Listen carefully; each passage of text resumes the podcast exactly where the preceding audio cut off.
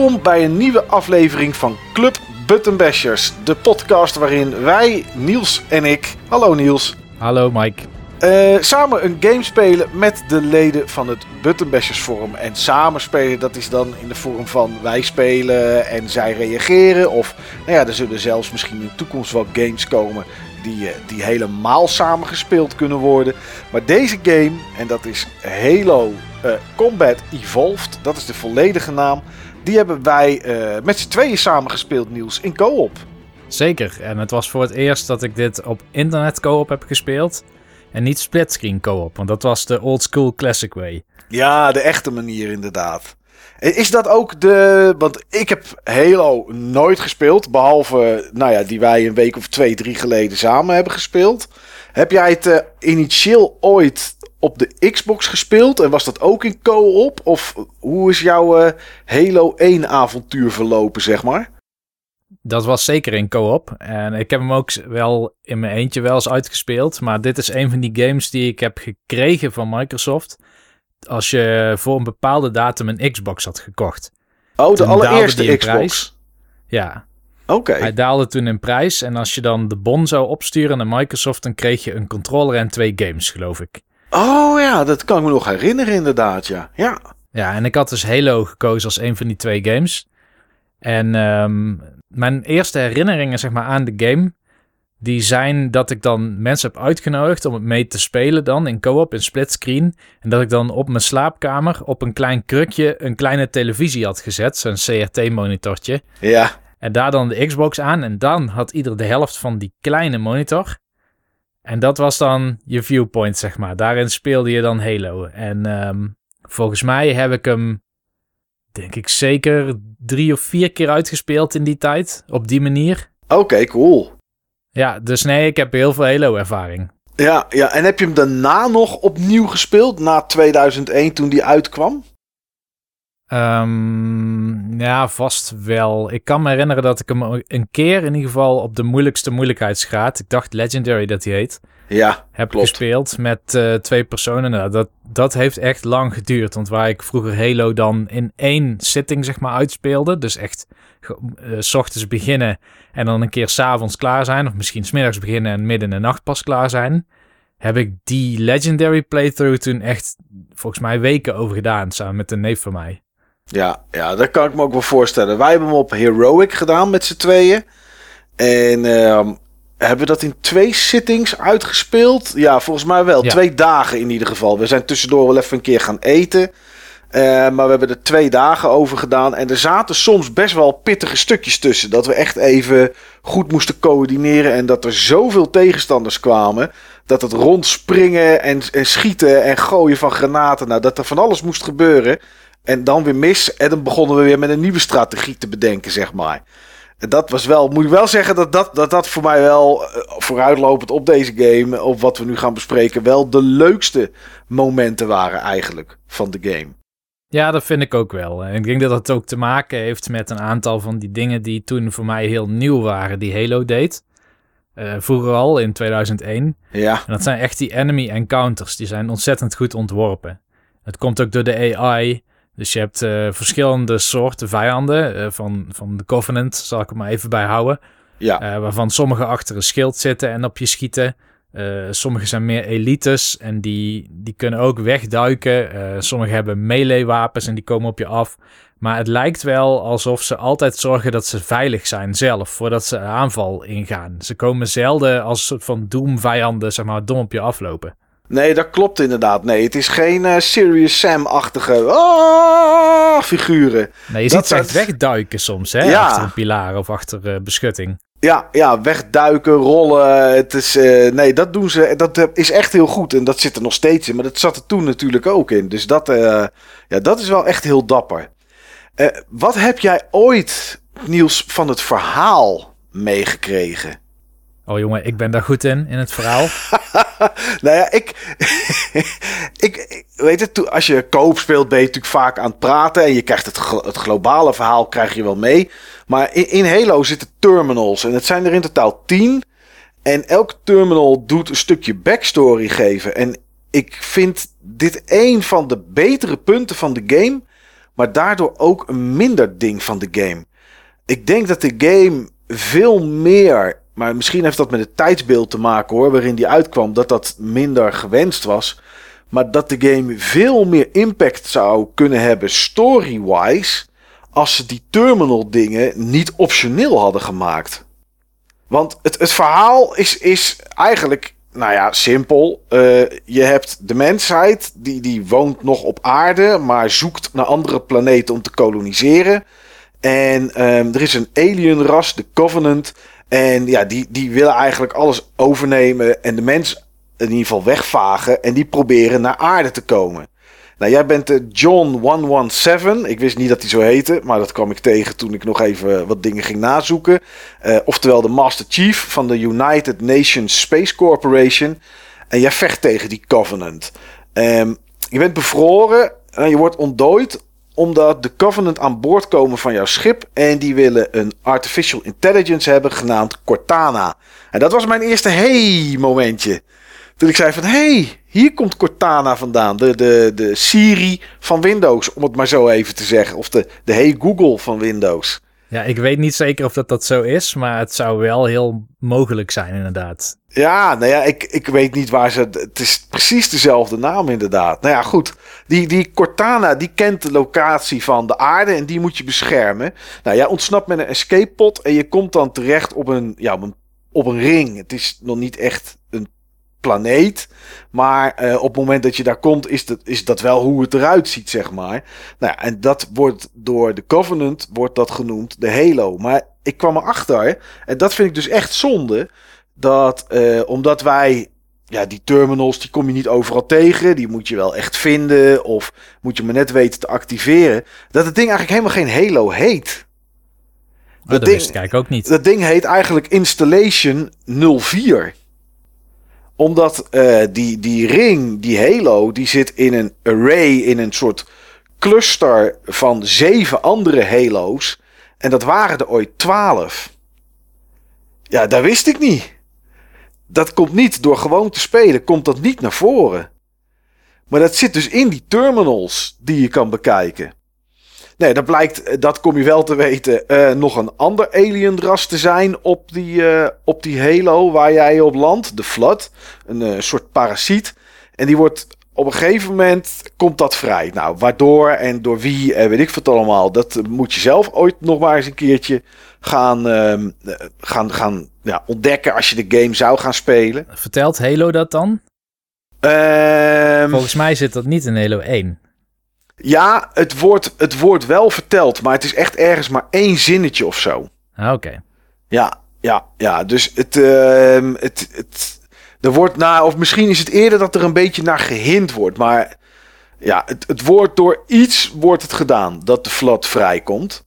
En als je, um, en ja, het is aan jou dan om ervoor te zorgen dat je, ja, dat je dat tegengaat. Want de flood, ja, dat eet gewoon alles en iedereen op. Maar goed, dat is, dat is een beetje het verhaal. Behalve die, die, die installation 4 en hoeveel Halo's er zijn. Wat je meekrijgt als je de game speelt. Maar als je al die terminals gaat bekijken. Ik vond dat super interessant, joh. Want daar, de, de, zit, de, de hoofdrolspeler uit die terminals is een soort. Nou ja, als je Destiny hebt gespeeld. En heel veel mensen hebben dat wel eens een keer aangeraakt. Dat je daar Ghost, zo'n zwevend robotje.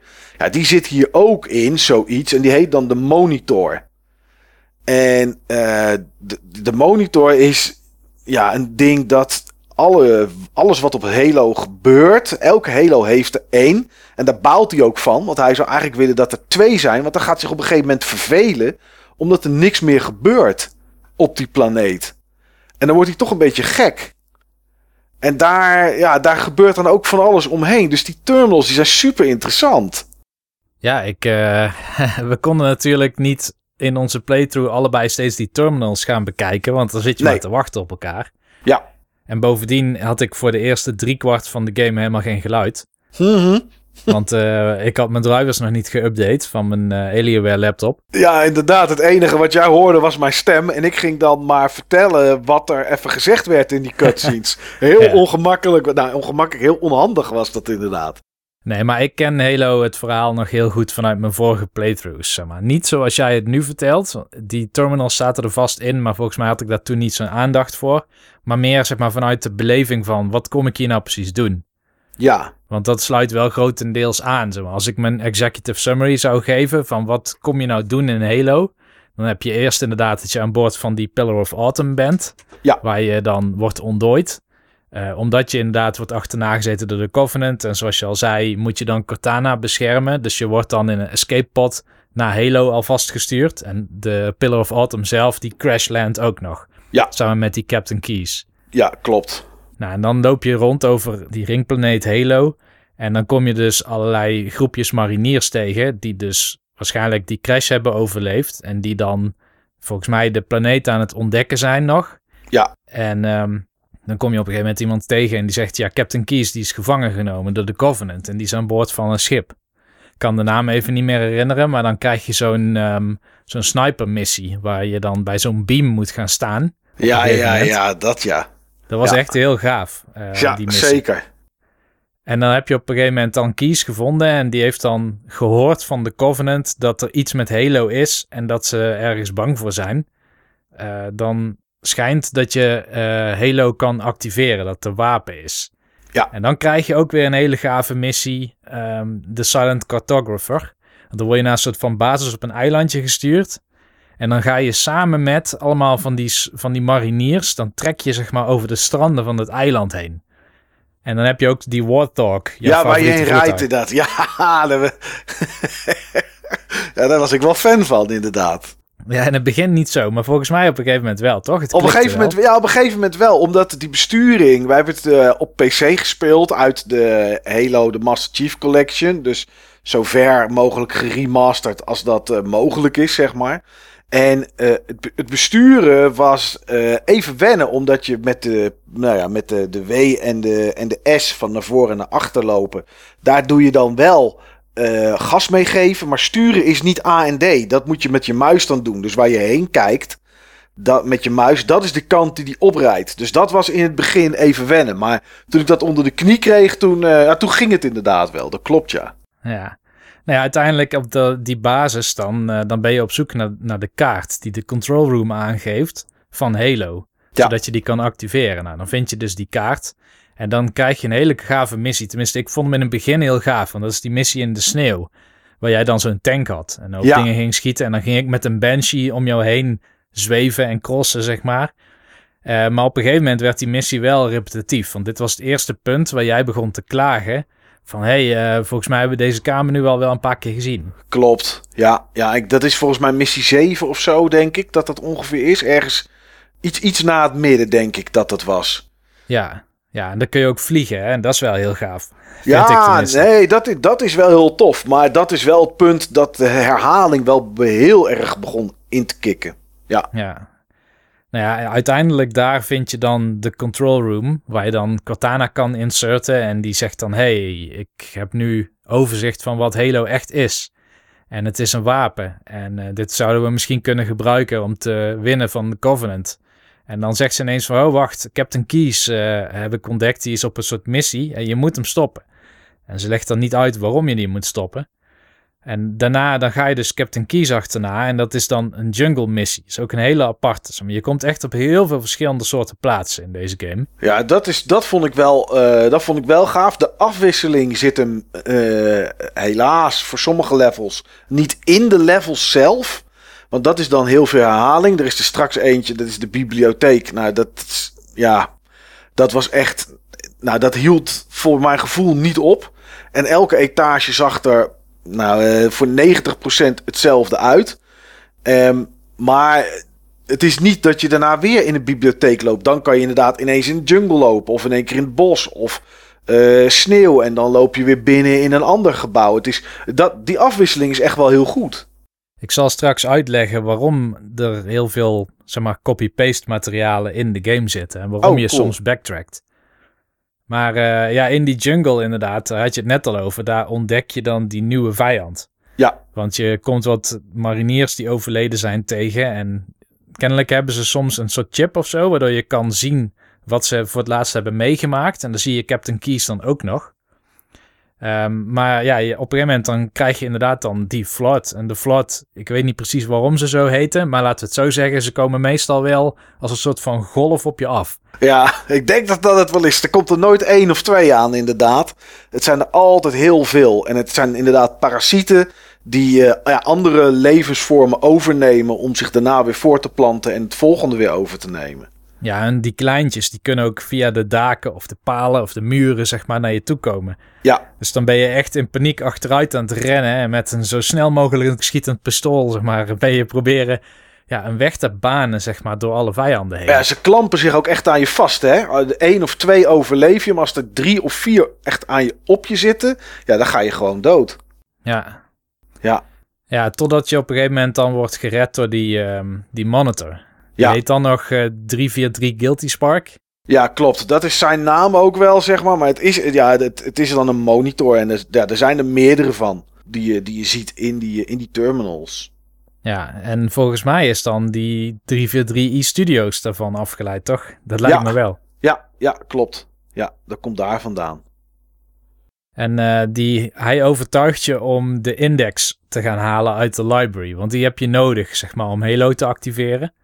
En dat is dan dat level. En hier had ik zelf ook op een gegeven moment het idee van, nou, het mag wel iets minder. Ja, een keer is het wel genoeg, inderdaad.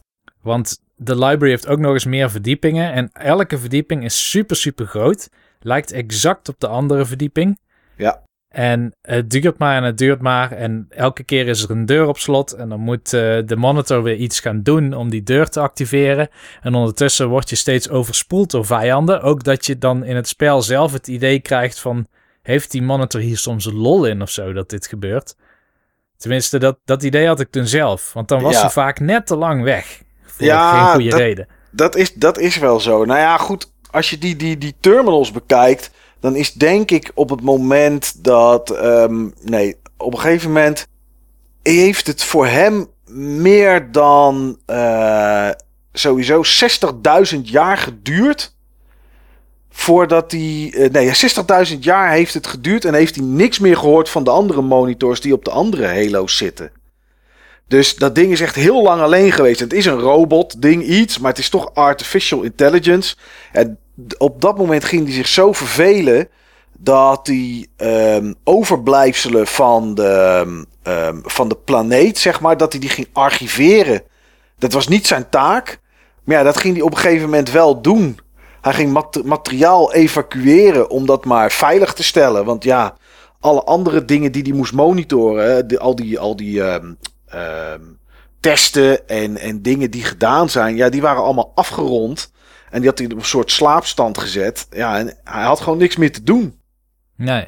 Dus misschien dat hij inderdaad dat hij wel een soort van plezier haalde uit het feit dat er weer een keer wat gebeurde op zijn, uh, op zijn, uh, op zijn installation 04.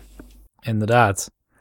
Ja, goed, gelukkig. Wij zijn dan zo dat we dat dan overleven. Ik bedoel, we hebben toen echt hordes vijanden steeds op ons afgekregen. Oh, we man. Klem zaten in, in Tussen twee deuren, hè? Ja, twee deuren dicht en zoveel tegenstanders kwamen er. Niet normaal. Ik denk dat we daar zeker tien keer over hebben gedaan. Dat stuk, om dat te halen. En elke keer van, oké, als jij dan hier links gaat staan, ik rechts. Ik gooi eerst een granaat in dat luik, want daar komen dan een paar van die grote flat uh, vijanden uit. En jij ging meestal zeg maar in een hoek staan, zodat in ieder geval iedereen uit één kant kwam. Precies, dat klopt inderdaad. Ik ging tussen twee stukken muur staan in een hoekje zodat ja, ik alles kon zien wat er aankwam. En op een gegeven moment werd het dan te veel. En dan sprong ik er overheen. Dan ging ik op een soort heuvel staan om dan weer naar beneden te schieten. Ja, en vanaf daar daar was er eigenlijk geen plan meer. nee, ja, ik ging inderdaad op, uh, op een soort scheve pilaar staan. En dat, waardoor ik overzicht had. Dus ik had de tegenovergestelde strategie, zeg maar. Ik zorgde dat ik juist um, ja, van links, rechts, uh, onder, boven, alle kanten beschoten zou kunnen worden. Maar ik had tegelijkertijd ook zicht op iedereen. En jij had meestal pas heel laat zicht op vijanden. Klopt. Dus wat ik dan deed was, ik probeerde dan vooral in het begin handgranaten te gooien waar ik wist dat vijanden zouden komen. Want we hadden het ritme zo goed door. Je werd nooit meer verrast als je al tien keer bent afgeweest. Um, en ja, het voelde ook echt als een overwinning op het eind. Zeker weten. Ja, en het grappige is wel dat, weet je, nu zou je zeggen tegenwoordig met games, ja, als je precies weet waar ze allemaal vandaan komen, dan is dat saai of weet ik veel wat. Maar als je zoveel tegenstanders krijgt, dan, uh, dan, dan kan je daar een tactiek op bouwen. En dat is wel echt heel tof. Want in het begin begon ik ook met granaten te gooien. En later dacht ik, nou, misschien kan ik ze maar beter bewaren voor het einde. Want er komen er nog meer. Ja, en dan rennen. En waar ligt M eventueel ammo? Of waar ligt eventueel een beetje leven nog om wat terug te krijgen? En wanneer ga je dat pakken? Ja, allemaal van dat soort tactieken. En inderdaad, als het op een gegeven moment dan lukt. En, en je ziet niks meer en die deuren gaan weer open. Ja, dan is dat wel tof. Dat is wel echt heel tof. Ja, nou ja, uiteindelijk zijn we dus ontsnapt uit die library. Hebben we de index ook gekregen.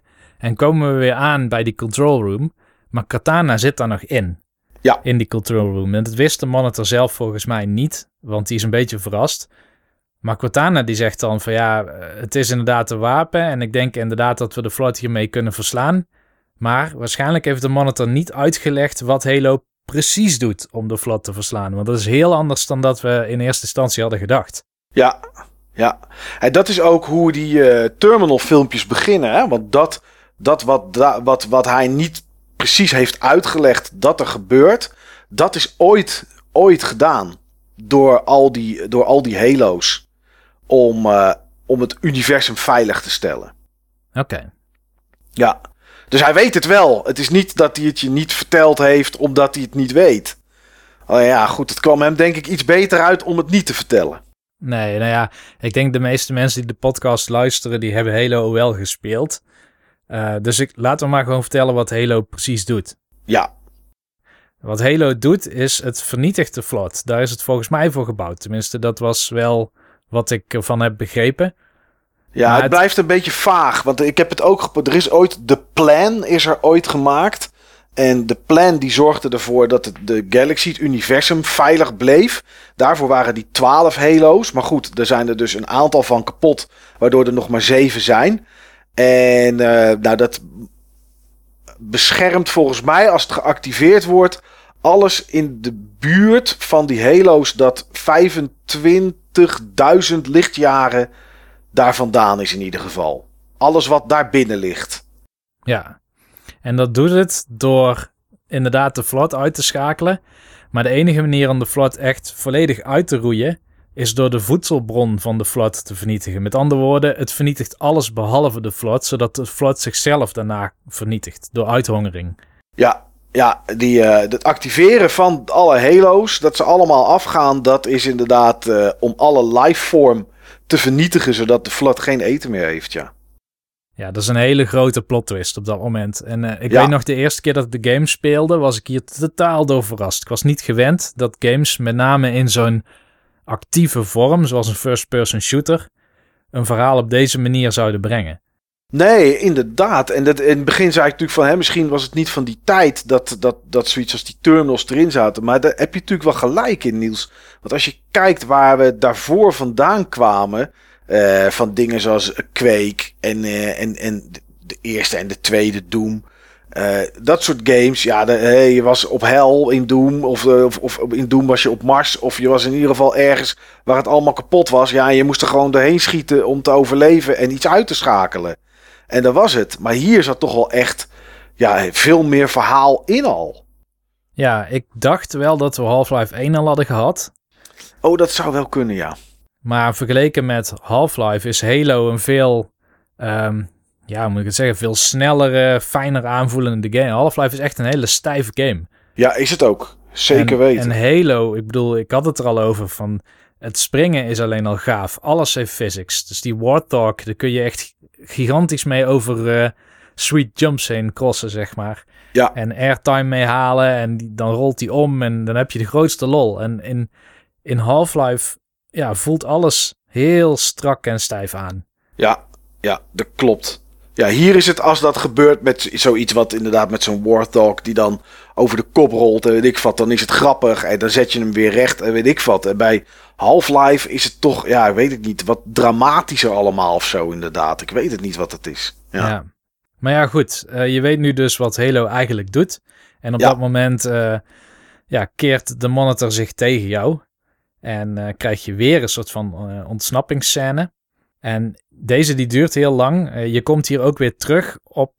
ja, je bent eigenlijk trouwens nog bij die, ehm, bij die control room. Dus je zit weer ja. op die sneeuwplaneet. Dus je gaat weer heel die sneeuwplaneet, sneeuwplaneet af, waar je zo blij van was dat je er eindelijk doorheen was. Want Ja, was de dat is eerste, zo. eerste missie waar je echt herhaling opmerkte. Ja, En dan mag je nu nog, nog een keer dunnetjes overdoen. Maar nu om de engines volgens mij te vernietigen. Zodat je het, de monitor vertraagt. Want de monitor die heeft de index, dus die zou Halo nu zelf kunnen activeren. Dus om dat te voorkomen, vernietig je op de terugweg allerlei, ja, soort van, ja, wat zijn het, beams of zo. in ja pilaren. klopt. Ja, een soort van stralen inderdaad. En dan moet je gewoon inlopen door het speciale pak wat je hebt. Dan, eh, ja, dan, dan vernietig je die straal. En dan moet je er drie uitschakelen volgens mij. Of zijn het er vier? Drie dacht ik. Drie hè? Ja. En op dat moment dan eh, heeft Cortana nog een alternatieve manier om Halo uit te schakelen. En dat is om de Pillar of Autumn, dus het schip waarop je ja, bent gecrashland, om dat te laten self-destructen. En daarmee de hele ringplaneet ook te vernietigen. Ja. Echter, daar heb je bepaalde activeringscode voor nodig. En alleen Captain Keys heeft die. Ja. Maar ja, Keys, die heb je niet meer gezien sinds die jungle missie. Dat je daar video van zag dat die, zeg maar, die, die basis intrad waar je de vlot hebt ontdekt. Dus je gaat terug naar ehm, het, het Covenant schip. Want daar is een signaal dat Keys is. Zeg maar. Cortana vangt af en toe een soort van live signals op. Ja. En ze zegt Keys is weer gevonden op dat Covenant schip. Volgens mij heet het Truth and Reconcilience of zoiets. Oh, dat zou wel kunnen inderdaad, ja. Ja. En daar ben je ook al geweest. Dus weer een backtrack missie. Ja. Ehm, je komt op een gegeven moment Kies tegen, maar eh, hij is niet meer zoals je hem kent. Nee. Hij is onderdeel geworden van de vlot. Dus hij is een soort, ja, wat is het? Een soort organische biomassa geworden. Het ziet er heel smerig uit. Ja, inderdaad. Ja, ja, ja, ja dat is inderdaad. eh, hij is eh, opgeslokt. En het grappige is dat ehm, Terminal 9. Ik weet niet of die ook in missie 9 zit. Ik weet niet. Ja, dat moet haast wel, want het zijn ook 10 missies. Eh, dan zie je een, ehm, een soort animatiestory over Captain Keys. En dan zie je eh, hoe die langzaam transformeert. En wat ze proberen te doen, dat hij, niet, dat geen gedachten meer mag hebben. Dat zijn gedachten van hem gestolen worden. En eh, dan zie je nog hoe hij zijn eerste liefde of zijn vrouw ontmoet heeft. Dan krijg je daar een stukje backstory over, over Captain Keys. Ja, vroeger, toen dacht ik dat Captain Keys getransformeerd was in een soort van hive mind iets of zo. Oké.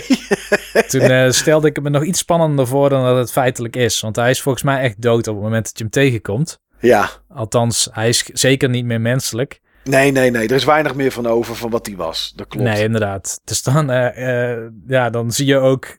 Nou, je ziet het niet in beeld, maar je hoort het wel. Dat eh, Master Chief echt met zijn vuist, zeg maar, het hoofd van Captain Keys inbeukt. ja. om een soort chipje eruit te halen. Waarin die activeringscode zit. En wat ik hier trouwens heel cool vond, was dit was de eerste missie waarin het me heel erg opviel. Dat de Covenant nu dus ook oorlog heeft met ehm, de Flood. Dus ja, je ja, ziet zeker. ze ook heel vaak op elkaar schieten. Ja, super tof is dat. En dan kan je ook best. We hebben ook best wel eens even gestaan dat we zeiden: Nou, weet je, we wachten wel even. Totdat, eh, totdat een van de twee elkaar gewoon heeft, heeft, heeft uitgeroeid in dit, eh, in dit, eh, dit kamertje. Ja. Ja. En wat dan ook tof is, is, want daar hebben we het nog niet eens over gehad, maar je hebt heel veel wapens in het spel, heel veel verschillende wapens, maar je kan ook allerlei wapens oppakken van de vijanden die je net hebt neergemaaid. Ja. En dat moet ook wel, want je bent heel erg almost starved in deze game. Dus de, zeg maar, als je gehecht bent aan een bepaald geweer, nou ga er maar vanuit dat je zoveel mogelijk probeert om juist dat geweer niet te gebruiken. Nee, nee, want als, oh, als ammo op is, ja, dan moet je. Ja, we hebben vaak gehad. Oh, ik heb geen ammo meer. En daar hadden wij een trucje voor bedacht, Niels.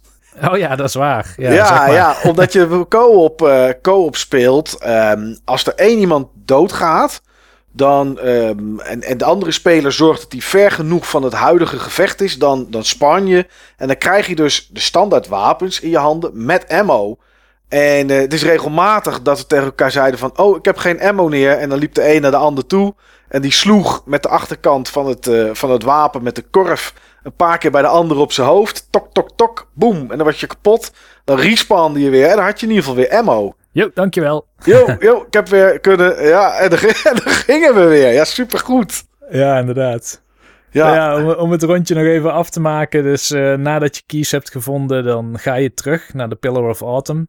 En volgens mij moet je dan nog naar de engine room toe ja. om bepaalde dingen te vernietigen. Je hebt een soort, ja, wat zijn het? Ehm, mo- straalmotoren of zo. ja een- iets met nuclear nog wat of zo. Volgens mij is het, nou ja, het is in ieder geval iets heel heftigs dat je moet doen. Ja, dan moet je hier ook voor het eerst een soort puzzel doen, zeg maar, in de game. En voor het laatst ook trouwens. Ja, Want je moet dan via bepaalde terminals kun je dan, ja, hoe moet ik het zeggen? Het zijn een soort sluizen of zo openen. ja, En ehm, wat je dan hebt geopend, daar, daar zit een, een, ja, een soort eh luxe flexachtig mechanisme in. En als die openstaan, moet je er snel een handgranaat in gooien. ja. Niet en wel leuk dat het erin zat voor de afwisseling, maar het was toch wel een lastig stukje, hè? Het was Dit. zeker lastig. Ja, Want- het Ja, kwam het ook door de vijanden. Dat Ja. ook, ja. En, en het was gewoon heel lastig om ervoor te zorgen dat je er precies een granaat in kon gooien. Ik denk En- dat het lastigste is dat we heel vaak geen granaten meer hadden. Eh, ook, maar dan moest je tegenstanders slopen en dan, eh, ja, dan, dan kwam je ergens wel weer een keer een granaat en dan was oh, ik heb er één. Ja, dan zorg- zorgen dat diegene hem er goed in gooide. Dat mislukte bij mij ook nog wel eens. En ehm, eh, d- er werd wel gezegd door Cortana dat er ergens een kamer zou moeten zitten waar je ammo op kon halen. Maar die hebben we nooit gevonden. Nee, Geen ik heb idee echt waar die gezocht. zat. Maar ja, er, er kwamen constant vijanden. Die respawnden ook de hele tijd. Ja. Dus je was ook niet echt in de gelegenheid om op je gemak even naar nieuwe plekken te zoeken. Je was altijd bezig met veilig blijven. Ja, en die ruimte was ook echt wel groot. Met heel veel trappen, zowel links of rechts, om te kijken of je... Ja, oh, als ik hier omhoog kom, waar kom je dan? En dan had je een soort paadjes die achterlangs gingen. Een soort backstage-achtig iets, waardoor je dan weer op een andere plek boven kwam. Best wel groot. En overal tegenstanders die inderdaad continu bleven komen. Dat was in de andere gebieden niet. Als ze dan op een gegeven moment allemaal kapot waren, waren ze kapot. Maar dat was, dat was ja, in, bij deze puzzelachtige constructie was dat niet het geval. Daar bleven ze komen. Hier hebben we volgens mij ook wel lang over gedaan, over dit stuk. Zeker, zeker. Want dan gingen we dood en dan gingen we weer wat proberen. Want als je zo'n hendel overhaalt, ging een soort van sluis. Ging er dan zeg maar weg. Die dan eh, ja, het, het gedeelte waar je dan die granaat in moest gooien. eh blootlegde. En toen ben ik op een gegeven moment een keer in zo'n sluis gaan staan. Dan zei ik, Niels, trek maar weer aan die hendel, dat het dicht gaat. En nou ja, allerlei van dat soort dingen hebben we geprobeerd op een gegeven moment om te doen. Ja, als ik dan die hendel wist te vinden, hè, want het duurde Ja. super lang voordat ik de layout door had van de kamer. Ja, inderdaad. Maar ja, goed, als dat dan op een gegeven moment is gelukt, dan staat je nog maar één ding te doen en dat is te ontsnappen. En dat doe je weer met het favoriete voertuig, de Warthog. En ik liet de eer aan jou, want ik heb dit vroeger al heel erg vaak gedaan, op eh, 14 frames per seconde of zo. Maar ik dacht, laat eh, Mike dit maar eens eventjes beleven. Er start een timer, ook voor het eerst in het spel. Dacht ik, tenminste volgens mij. ja, volgens mij wel. Ja, je Ja. start een timer en dan heb je volgens mij eh, zes minuten of zo, iets rond die tijd, om met je Warthog te ontsnappen. Nou, dan mag je dus crossen door het schip heen. Ja. En dat is een, ook weer een heel avontuur, want je, je maakt airtime en je hebt overal schansen en je blijft ondertussen beschoten worden. En je moet heel erg uitkijken ook met die Warthog, want het is allemaal physics-based. Er hoeft maar een tikje net verkeerd te, te raken en je slaat ondersteboven en je rolt weg. En als de Warthog op jou valt of zo, dan ben je ook nog eens in één klap dood. Ja, Dus het lukte ook niet in één keer. nee, dat hebben we ook drie of vier keer eh, heb ik dat moeten doen inderdaad. Maar wel een hele ehm, filmische scène. En, en dat was wel een dingetje wat ik de hele game had. Ik heb heel vaak het in ehm, eigenlijk in retrospect bekeken van... oké, ik snap in 2001 dat dit echt geweldig was. En, Ja. dat is, eh, en dat, voor nu is dat, is dat dan anders. Want we zijn, als je het nu voor het eerst zou spelen en je zou het leggen naast, weet ik veel, Call of Duty Modern Warfare, die singleplayer campaign van zoiets. Ja, dan is dit zo saai als maar kan zijn voor heel veel mensen waarschijnlijk. Maar dat is, ja, dat is toch iets wat je, wat je dan bij een game zoals dit niet moet doen. Maar dus ik snapte het wel. En het was ook echt wel van, oh, daar gaan we en vliegen en hier doorheen. Oh, net kapot en balen en dan weer opnieuw doen. Ja, dat was toch een, eh, het, het is een mooi einde van de game, zeg maar, dit stukje. Ja, helemaal het einde vond ik ook nog wel gaaf. Want dan, kun je er op een gegeven moment niet meer door. En dan denk je, oh damn, wat moeten we nu doen, weet je wel? Nou ja, we Ja. hebben nog maar een minuut. Oké, uitstappen en rennen. Rennen Ja. naar het dropship. Ja, inderdaad. Ja, en die neemt je dan mee en dan vlieg je weg. En dan eh, is je plan geslaagd. Dan vernietig je Halo. Ja. Ja. Totdat je het einde van de credits hebt gezien. En dan zie je dat de monitor die jou dus een beetje om de tuin heeft geleid. Dat die in ieder geval nog bestaat. Die is niet vernietigd. Dus ja, ik heb Halo 2 niet gespeeld. Dus ik weet niet of die daarin terugkomt. Maar kan me haast niet anders voorstellen. Maar ehm, ja, dat is inderdaad eh, het verhaal van, van Halo. Er zit best een hoop in eigenlijk, Niels. Ja, zeker. Eh, ik vind het ook wel een heel tof verhaal voor een spel. Zeker weten. Ja, ja, ja. En, het, en wat het gelijk doet, en ik weet niet of ze dat toen al wisten, nou ik denk het niet, want als het niet verkocht of als het niet genoeg gespeeld werd, in het nieuws is, de, de reviews tegenvallen, et cetera. Maar ze zetten toch gelijk een heel universum neer. Ja, Het is, niet, het is niet een klein iets. En als er dan een deel 2 komt, dan moeten we dat. eh, ja, dan moeten we wat gaan bedenken hoe we dat dan gaan doen. Weet je, die, die, die, die verschillende Halo's. Ja, die, die waren er gewoon al in, de, in dit spel. Ja, dat vind ik ook wel heel erg gaaf. Dus je maakt wel echt een soort gesloten verhaal mee. Dus het, je voelt ook dat je iets hebt bereikt aan het eind van het spel.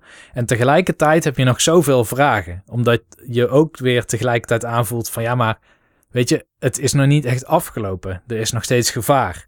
Ja. En ik snap nog steeds niet precies eh, wie deze ringen dan heeft gebouwd en waarvoor. Jij, jij hebt al iets meer door de terminals. Ja.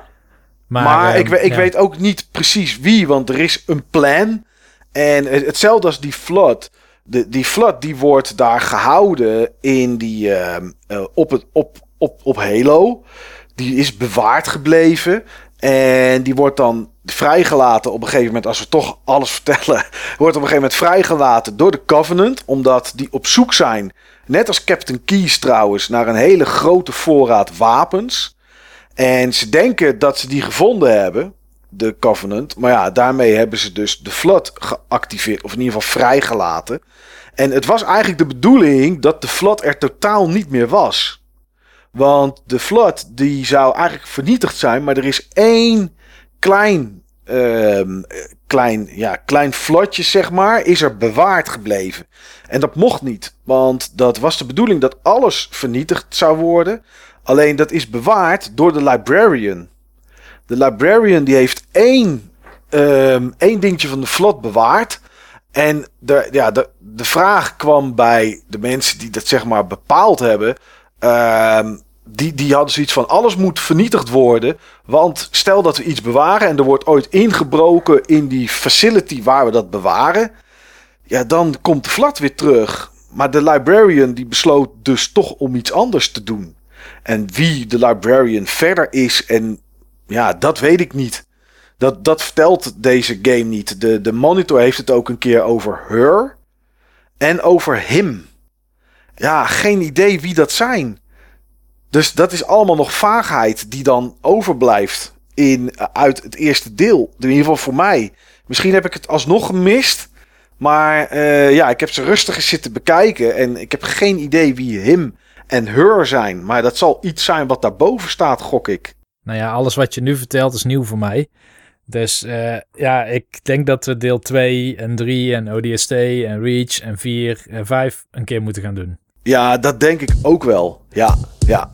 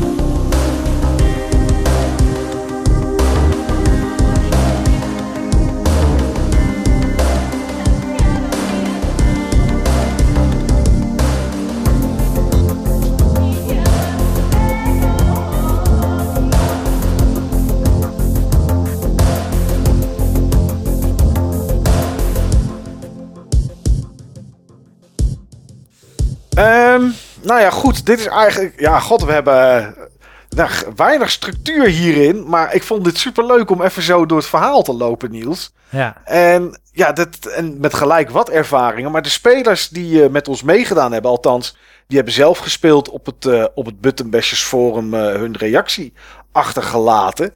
Die, ja, die hebben ook wel een aantal dingen die ze zijn opgevallen of die ze, die ze beleefd hebben. En ja, daar kunnen wij denk ik ook nog wel weer eens wat stukjes aan ophangen. De allereerste die gereageerd heeft en dan niet met een totaalplaatje was Toe Jam. En die zegt: Wat ik me nog kon herinneren is dat het rijden met de Warthog ruk is. En dat is gelukkig niet veranderd. Ja, ja, is gelukkig niet veranderd? Ja, met een smiley. Oftewel, hij vindt het nog steeds, hij vindt het nog steeds vervelend. dat rijden met dat ding. Ja, het, tuurlijk, het is, het, ja, weet je, het is geen Forza Horizon of zo. en het is natuurlijk een first-person shooter waar dit dan extra in zit. Al zitten er wel meer voertuigen in dan één en rij je wel vaker rond. Dus het is niet een kleine gimmick. Dat is het dan niet. Maar ja, goed. Ik vond het wel grappig om te doen. Omdat er toch best wel snelheid. En dan stond je achterop. En dan was je weer aan het schieten op van alles. En dan waren er van die soort banshees. Of wat het dan ook waren in de lucht van de Covenant. En uh, probeerden we die neer te halen. Het zorgde toch wel voor een stuk actie ook. Ja, ik vind het ook juist leuk dat je uh, redelijk veel controle hebt. Maar je hebt geen absolute controle. Waardoor je dus de hele tijd kleine paniekacties krijgt van... Oh, misschien slaan we bijna om. Oh, gelukkig. We hebben het net gehaald. Oh, pas op met die, met die, met die afgerond. Ah, ja, gelukkig. Ja, ja, ja. dat voegt wel veel toe voor de beleving. Ja, zeker. Wat ik me niet zo meer kon herinneren was continu verdwalen in gangen die allemaal op elkaar lijken en dat ammo zo schaars is. Nou ja, goed, de ammo, dat hadden we het inderdaad over, dat is wel zo. En dat is dus toch, hè, wat hij zegt van wat ik me niet meer kon herinneren. Waarschijnlijk was dat in die tijd in 2001, ja, was dat niet anders eigenlijk dan dat heel veel copy-paste was en dat er heel veel op elkaar leek. Dat was denk ik een van de redenen, maar de andere reden, en ik hintte er al naar dat ik daar iets over zou vertellen. Oh ja. Is dat deze hele campaign in slechts een paar maanden is gemaakt. Oké. En dat is wat dat betreft dan uh, misschien nog wel bewonderingswaardiger. Dat, ja dat het hier gaat om echt een paar maanden. Sterker nog, de deadline wanneer de game zou lanceren was al bepaald. En dat, ze hadden eigenlijk alleen een multiplayer gedeelte en wel plannen voor een singleplayer, maar dat was nooit helemaal bij elkaar gekomen. En toen hebben volgens mij een paar mensen gezegd, ah, we gaan het gewoon proberen. En die hebben het in elkaar gezet. En als je kijkt wat het dan is geworden, en dat een game is die ik nu zeker vijf keer heb uitgespeeld, en ik zou het helemaal niet erg vinden om nog een keer in de toekomst te spelen dan hebben ze toch wel iets voor elkaar gekregen hier. Ondanks inderdaad dat je ja, dat er wat plekken zijn. En dat zijn met name dan zeg maar die missie uh, in richting de control room. Ja. Dus in ieder geval waar het binnen is. Buiten is heel tof met de sneeuw en de banshees en rond te scheuren en zo. Maar als je binnen bent, dan heb je inderdaad elke keer dezelfde vormkamers. En de library, die zijn wel echt te. Ja, ja, ja. Die library vond ik het ergst. Maar de andere ruimte inderdaad ook. Als je onderweg bent naar die beams. Dan is het, ja, je loopt in een, in een kamer. Die ziet eruit als kamer A. Dan heb je gangenstelsel B. Dan weer kamer A, gangenstelsel B. Misschien één keer een ruimtetje C. En dan begint het weer met A en B en A en B. Ja, dat is wel echt heel, uh, dat is wel echt heel veel. Um, voor de rest zegt hij nog op dat moment ik weet niet meer of ik first-person shooters van rond deze tijd gespeeld heb. Was nooit echt mijn genre. Maar nu komt het nogal als een compromis op mij over dat je grote ruimtes hebt die afgewisseld worden met gangen waar de textures schijnbaar op waren. En dat ook echt mogelijk is om zes keer hetzelfde rondje te lopen op een andere manier. En pas als Cortana begint te zeuren waar je eigenlijk heen moet, die andere deur in één keer opvalt. Ja goed, er zit, er zit niet echt een map in of zo ook, hè, met van die kant moet je op. Uh, of daar is de, of een, of een, of een marker of zo. Of, of ja, een, kompas of noem maar wat. Dat, dat was er niet. Het enige waar wij een klein beetje houvast aan hadden. Was dat de eerste keer dat je door die, uh, al die, die kamers en gangen heen gaat. Um, staan, er pijlen op de grond. Van, uh, ja, het zijn eigenlijk gewoon dakjes met welke kant je op moet. En daarna moet je terug. Ja, en dan weet je, oké, we moeten zorgen dat we dus tegenovergesteld van die pijlen lopen. Dat is eigenlijk het enige wat een beetje houvast geeft. Ja, en wat het ook lastig maakt. Maar dat is ook wel weer wat ik juist heel tof vind. Aan, vond zeker in ieder geval aan Halo. Nu nog steeds wel, maar het maakt iets minder indruk. Is, uh, je hebt heel veel afwisseling tussen hele grote open stukken en hele smalle gangetjes. Ja. En in die hele grote open stukken, juist omdat je geen kaart hebt en niet per se een objective marker, tenzij je heel lang wacht, dan komt hij er in één keer. Maar ja, daar kun je vrij snel de weg kwijtraken. En in die gangetjes die ze eentonig zijn, als je niet op de pijlen hebt gelet, ja, dan ben je best wel snel de weg kwijt. Ja, zeker. Ja, je hebt wel gelijk. Als je heel lang wacht, dan komt er ergens een marker met hoeveel meter je er vanaf bent, inderdaad. Uh, hij zegt: Het is wel geinig om te zien hoe het er vroeger uitzag, maar ben ergens ook wel blij met deze facelift. Ja, dat is natuurlijk wel een ding, uh, Niels. Je kan tijdens het spelen kan je gewoon switchen naar hoe het er ooit uitzag op de Xbox toen het uitkwam. Um, en nou hoe het nu eruit ziet in de, in de remastered versie. Ja, daar hadden wij alle twee gemengde gevoelens over bij bepaalde scènes. En dat is eigenlijk dat de ene keer is het oude veel sfeervoller en voegt het veel meer toe aan de game. En op andere momenten ziet het er in de nieuwere versie eigenlijk beter uit. Ja, dat klopt. Uh, ik was echt regelmatig aan het tappen, zeg maar. Want ik ja. drukte dan op tap, want dat was dan op de PC-versie de manier om, om te switchen. Volgens mij op de Xbox was het een van de shoulder buttons, als ik me niet meer vergis. Maar uh, ja, er zijn inderdaad echt stukken waar je dan de oude versie ziet. En de, in de oude versie, zeg maar, er werden heel veel basisgeometrievormen gebruikt. Dus uh, ja, die zit, heb je dan nu nog steeds wel. Maar nu heb je textures en die geven heel veel detail daar waar je die vroeger niet had. Dus vroeger had je meestal uh, sowieso heel veel uh, gebruik van de kleur paars, wat al een beetje alienachtig overkwam. En ja. heel erg des Halo's toen oogde. Die is nu bijna weg. Zeg maar, als je op tab drukt en je zit nog in de oude versie, gaat naar de nieuwe versie, dan heb je meestal juist een heel groen omgeving iets met heel veel lichtstralen, god rays en dingen en zo die eigenlijk helemaal niet thuis horen in Halo.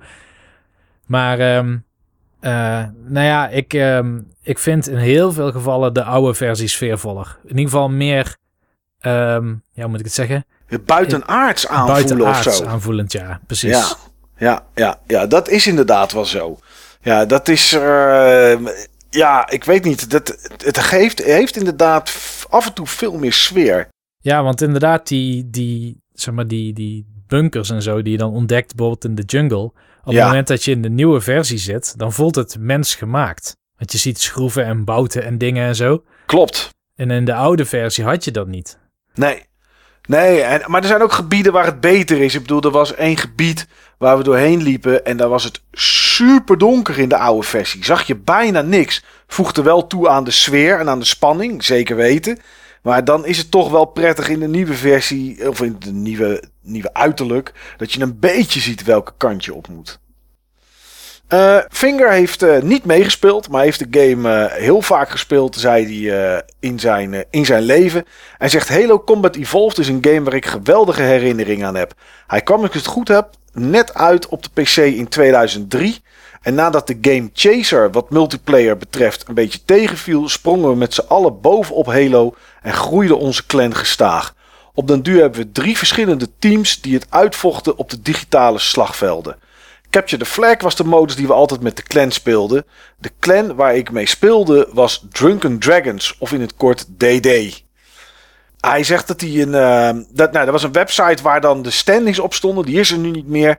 Maar daar stonden, met, uh, stonden ze met twee teams, plek 1 en 2. Dus daar waren ze eigenlijk gewoon de beste clans voor Capture the Flag die er waren. Er was ook een periode waarin ik genoeg tijd had voor het spelen van games. Ik spendeerde ongeveer 50 à 60 uur per week aan het spelen van Halo om maar steeds beter te worden. Als een van de weinigen had ik ook de singleplayer campaign doorgespeeld en daar was ik behoorlijk van onder de indruk. Het level, level design, de verticale gameplay, de verschillende voertuigen waarin je plaats kon nemen, het was allemaal behoorlijk indrukwekkend. Toen vorig jaar het nieuws kwam dat de Master Chief Collection ook naar PC zou komen, was ik erg blij en heb ik direct Halo Reach gespeeld op de dag van de release. Deze zouden we niet meenemen in deze podcast en dat hebben we ook niet gedaan, maar dat is een van de beste Halo games, zegt hij. Maar als prequel op het verhaal zeker leuk om door te spelen. Ja, waarschijnlijk al die terminal dingetjes met... Uh, heb jij Reach ooit gespeeld? Ik denk het niet. Ik heb alleen maar stukjes gespeeld van 2 en 3. En misschien heb ik toen, ik weet niet of dat Reach of ODST was, maar een van die twee heb ik ook nog een stukje gespeeld. Oké. Ja, de Reach zou, is dus de prequel inderdaad. Dus daar zou dan, ja, daar zou dat verhaal van die monitor en alles dan uh, in moeten naar voren komen. Um, vervolgens moesten we even wachten, maar daar was dan eindelijk Halo Combat Evolved. Ik heb echt genoten van de game om die door te spelen en de grafische opknapbeurt doet wonderen voor de game.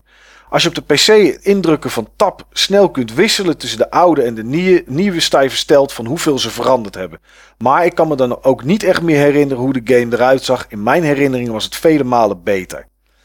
Verder kun je tegenwoordig veel beter krijgen wat betreft level design, maar veel ziet er hetzelfde uit en de vijanden zijn wat dat betreft in de AI niet echt uitdagend. Ja, ik vond dat toch best wel goed, die AI. Ja, zeker. Maar ik weet ook niet op welke moeilijkheidsgraad Finger hem gespeeld heeft. Nee. Nee, dat is wel een ding inderdaad. Verder speelt de game nog steeds lekker, zegt hij. Het rijden in de Warthog of het vliegen in een Banshee voelde voor mij in ieder geval nog erg vertrouwd.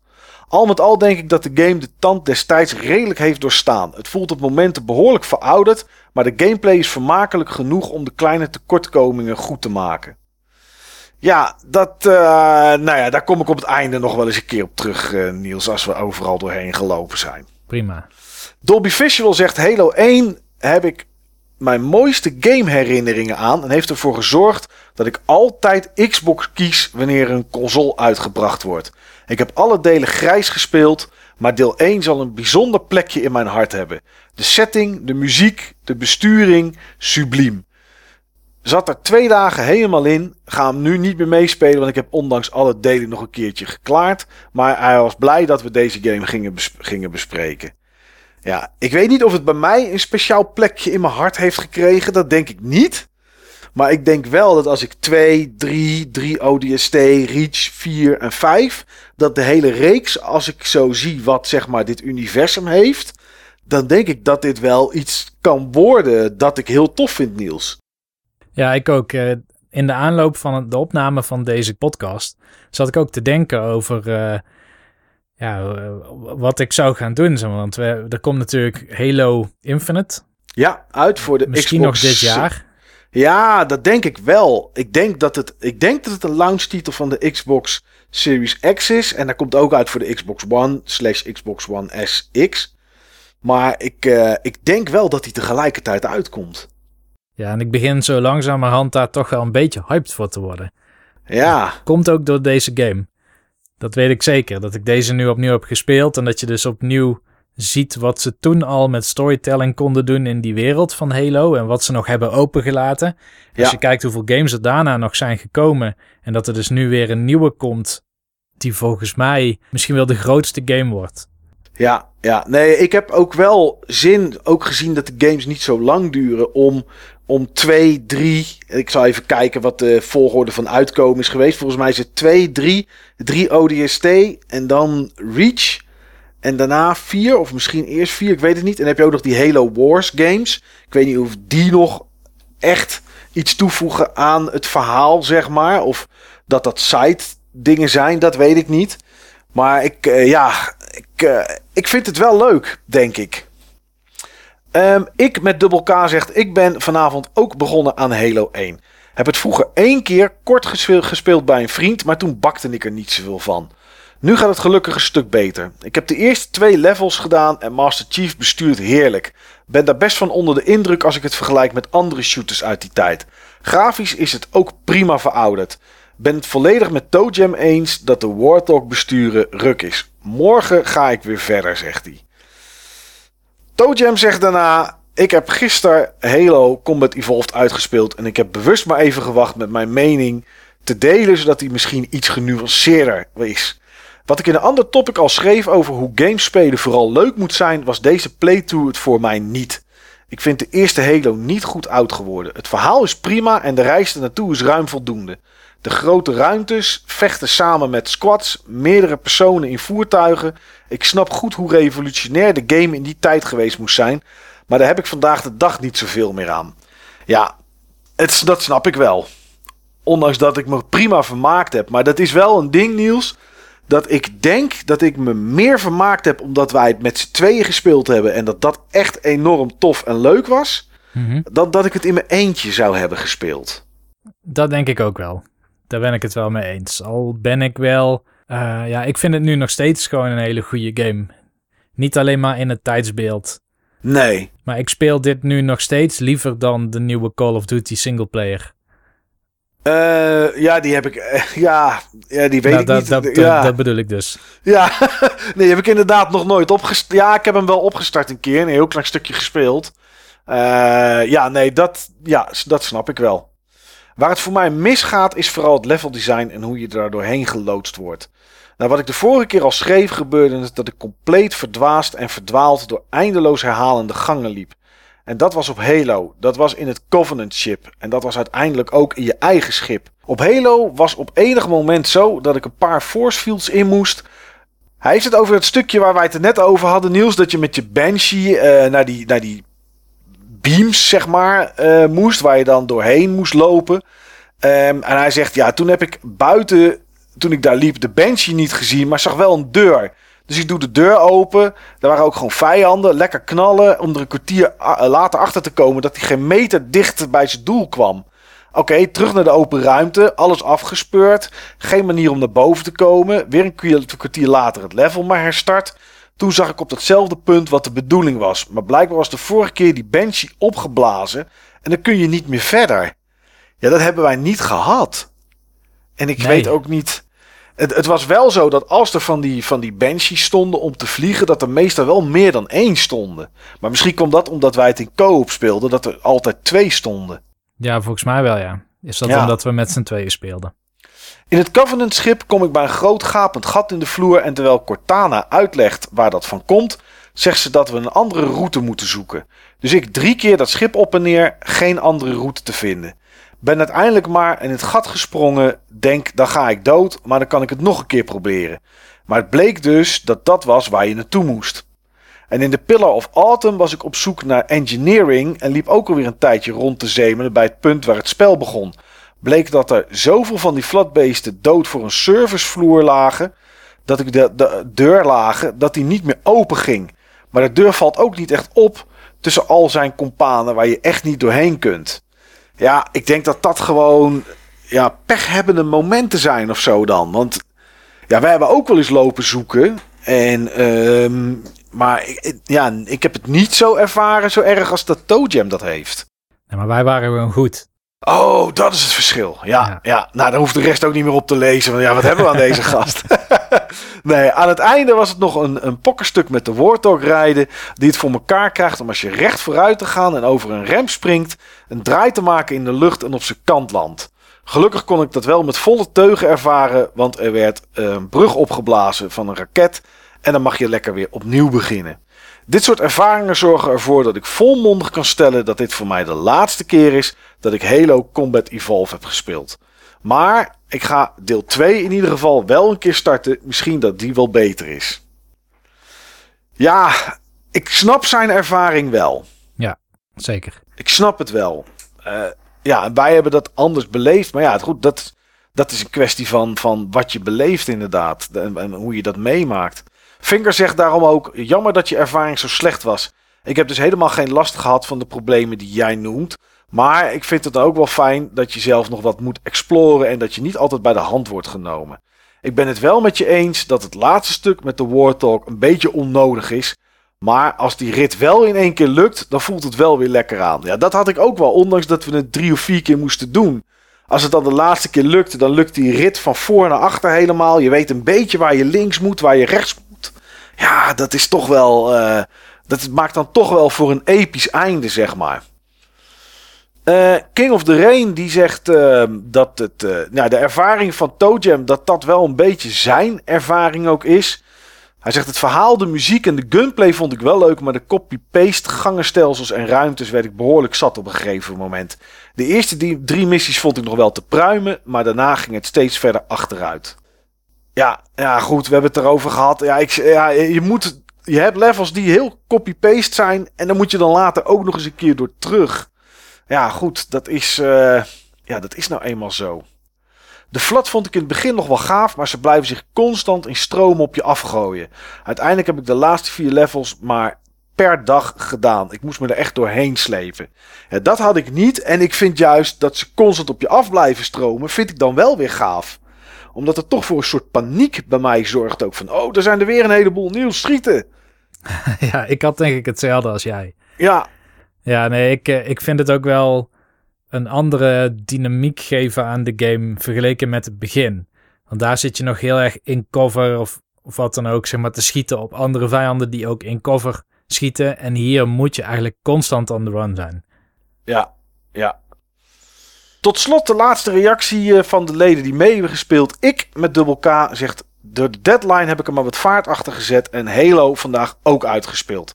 Wel leuk om alle voorgaande ervaringen te lezen, hoewel ik niet alles herken.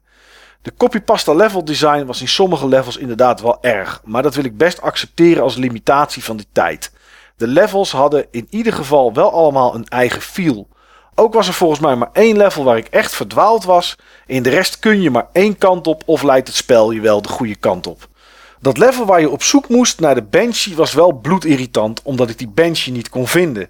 Ik had alle vijanden neergehaald, met mijn Ghost maar weer naar het begin gereden zonder Banshee te zien en toen maar een guide erbij gepakt om te zien waar de Banshee stonden.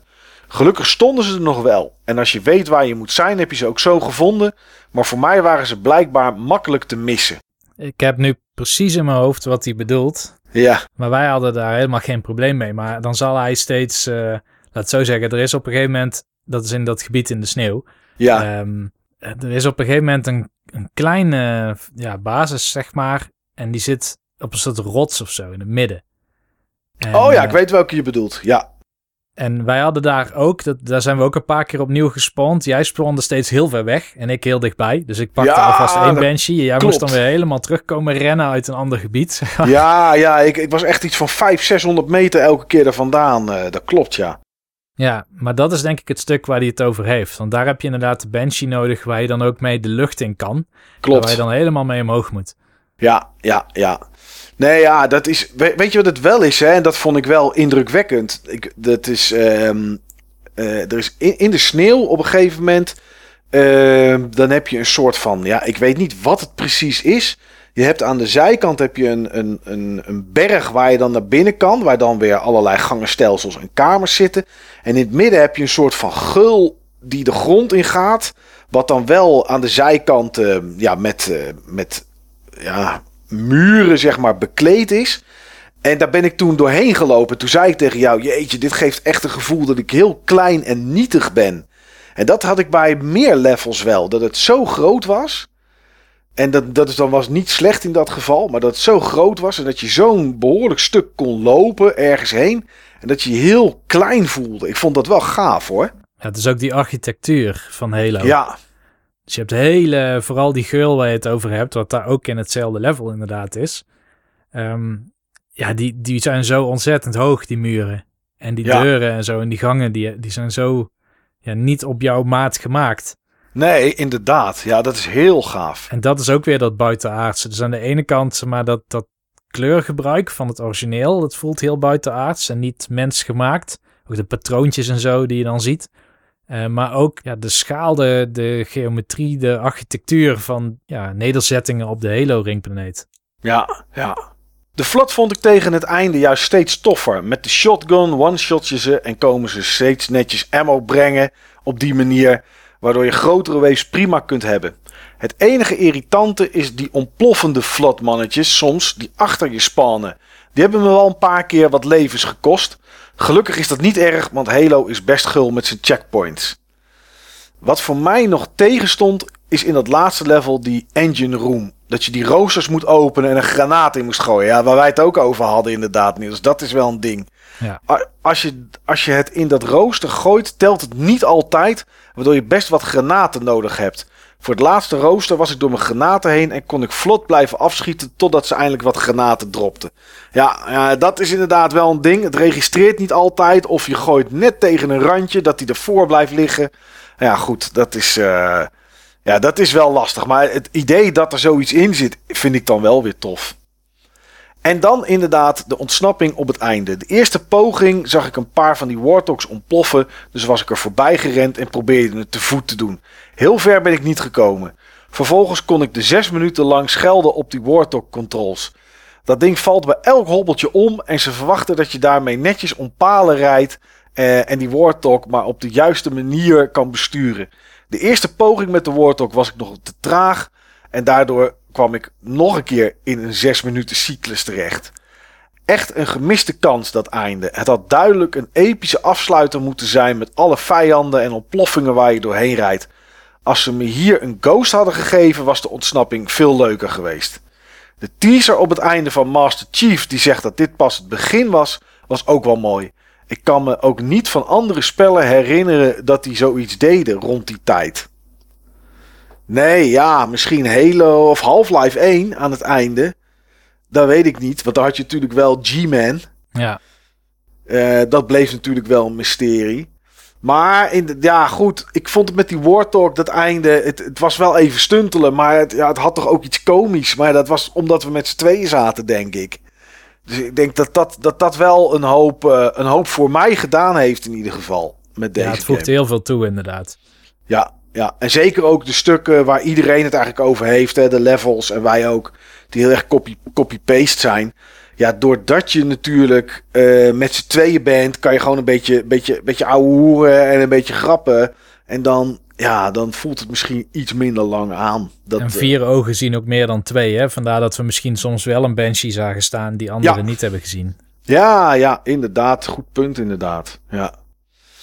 Ja, dat was Halo 1, Niels. We hadden eigenlijk gepland om Halo 1 en 2 te doen in deze podcast. Het is goed dat we zeiden van nou weet je, laten we het gewoon bij één houden. Want als we nu nog twee hadden moeten bespreken, ja, dan uh, we zijn nu al over de tijd hebben, dan hadden we niet gered. Nee, dan was hij vrij lang geworden, ja. Ja, ja. Is er aan het einde nog iets dat je denkt, dat moet ik nog kwijt over Halo 1?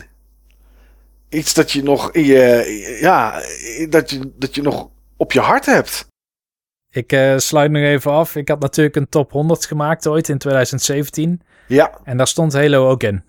Op uh, ergens plaats 70, 73, zoiets rond die koers. Mm -hmm. Ik denk achteraf dat ik hem ergens in, ja, misschien net in de top 40 of zo had gezet. Dus ik vind hem te laag in mijn top 100. Oké, okay, ja. Omdat ja. hij nog steeds zo goed speelt. En uh, ik zat ernaar te kijken vanochtend en ik vind het gewoon lastig, weet je wel. Want dan denk ik van ja, ik vind Halo eigenlijk leuker dan bijvoorbeeld een Castlevania game. Maar, ja.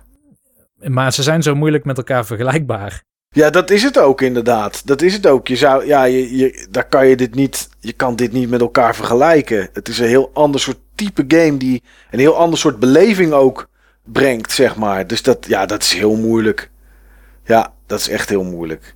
Maar ja, ik weet niet. Ik heb, me, ik heb me echt prima vermaakt. En het daardoor wel zin gekregen. Omdat dit voor het eerst is dat ik een Halo game op deze manier speel. Ja, ik heb van vijf eens een keer de multiplayer uh, een, uur of twaalf uh, gespeeld of zo. Maar dat is het ook. Dus het is voor mij wel eigenlijk een leuke start van deze, uh, ja, van deze reeks. Waardoor ik inderdaad wel een beetje uitkijk naar Halo Infinite aan het einde van dit jaar, hopen we in ieder geval. Goed, dat uh, was hem. Dat was uh, iets meer dan een uurtje Halo Combat Evolved. En in dit geval hebben wij die gespeeld uit de Master Chief Collection. Maar ik denk dat je er nog net zoveel plezier mee kan hebben op de, op de originele Xbox. Eigenlijk. Dat, uh, dat moet eigenlijk prima kunnen, denk ik. Ik moet toch nog even inbreken. Ja. Er komt in één keer een herinnering terug. Oké. Okay. Namelijk van die Legendary playthrough die ik met mijn neef deed. Ja. En dat was nog volgens mij op de middelbare school of zo dat ik zat. En dan, um, mijn neef die sportte heel vaak. Tennis, okay, voetbal, ja. eigenlijk alles. Dus die had ook niet heel veel tijd om te gamen. Maar dan belde hij af en toe op als hij wel tijd had. En ik kan me nog herinneren dat hij een keer belde.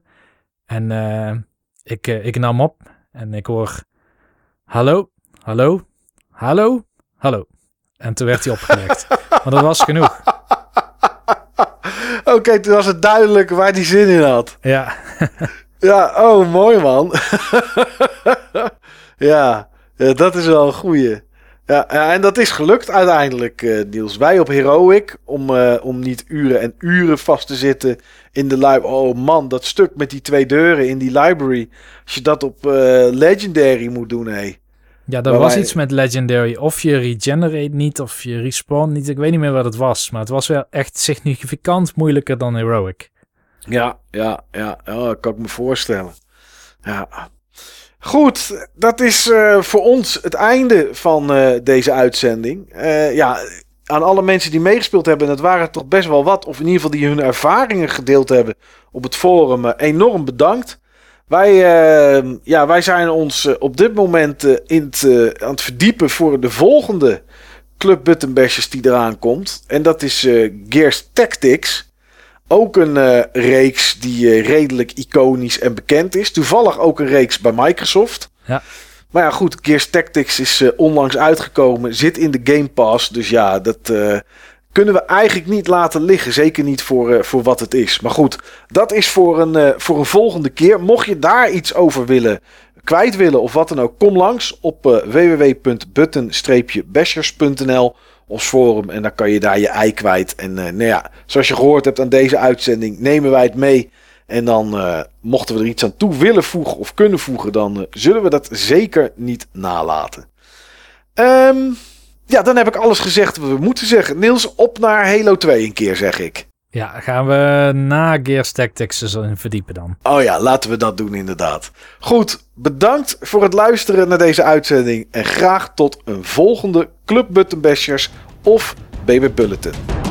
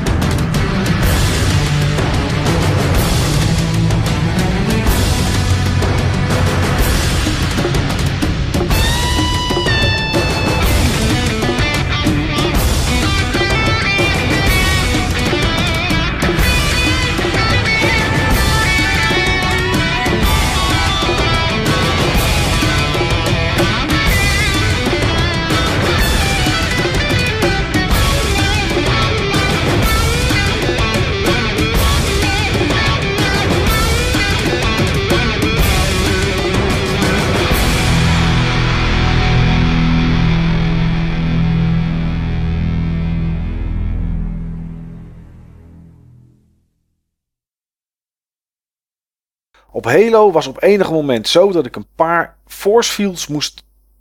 Wat zegt hij? Op Halo was op enig moment zo dat ik een paar force fields in moest. Door daar doorheen te vliegen met je. Hè? Ik ga het anders zeggen. Op Halo was daar op enig, enig moment iets. Nou, hij heeft het zo raar opgeschreven. Ik weet wat hij bedoelt. Op Halo moest hij. Hij zegt. Probeer het daar op die manier inderdaad. Ja.